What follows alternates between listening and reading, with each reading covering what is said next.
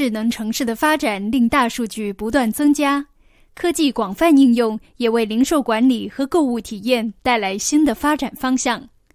数据分析和物联网等技术方案的应用，可以把传统的实体店转型为交互式销售点，带来一系列崭新的零售体验。实体店与技术的结合就是一个例子。新冠肺炎疫情促使产业加快转型，利用互联网和实时分析，实行自助和非接触零售模式。香港个人护理美容用品零售巨头屈臣氏，原本计划在二零二零年底推出非接触式付款系统 Watsons Go，作为数字转型计划的一个项目。但是疫情促使该公司提前于同年七月采用这套系统。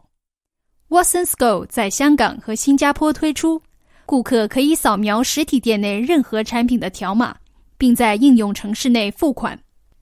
除了实体店的技术应用外，零售商也开始利用扩增现实和虚拟现实的技术来增强与顾客的联系交流，建立更有意义的购物体验。越来越多品牌和产品类别提供先试后买的体验，让顾客虚拟试用产品，或是定制个性化产品。家具、化妆品和个人饰品零售商尤其乐意提供这类虚拟购物体验。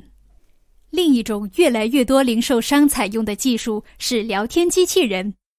数字世界往往缺少人情味，聊天机器人也许可以弥补这个缺口。随着机器学习和自然语言处理等基本技术不断进步，聊天机器人也越来越受欢迎。虽然聊天机器人能为业界带来便利，不过零售商必须明白，这类机器人也有它的局限性。例如，聊天机器人只能传递一定数量的回应，处理顾客查询时可能会重复答案。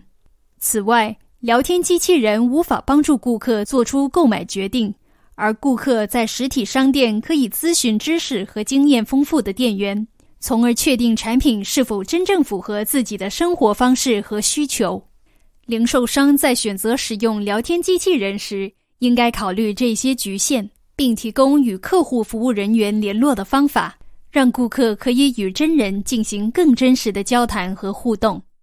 在技术的协助下，零售商得以提升服务质量和营运效率。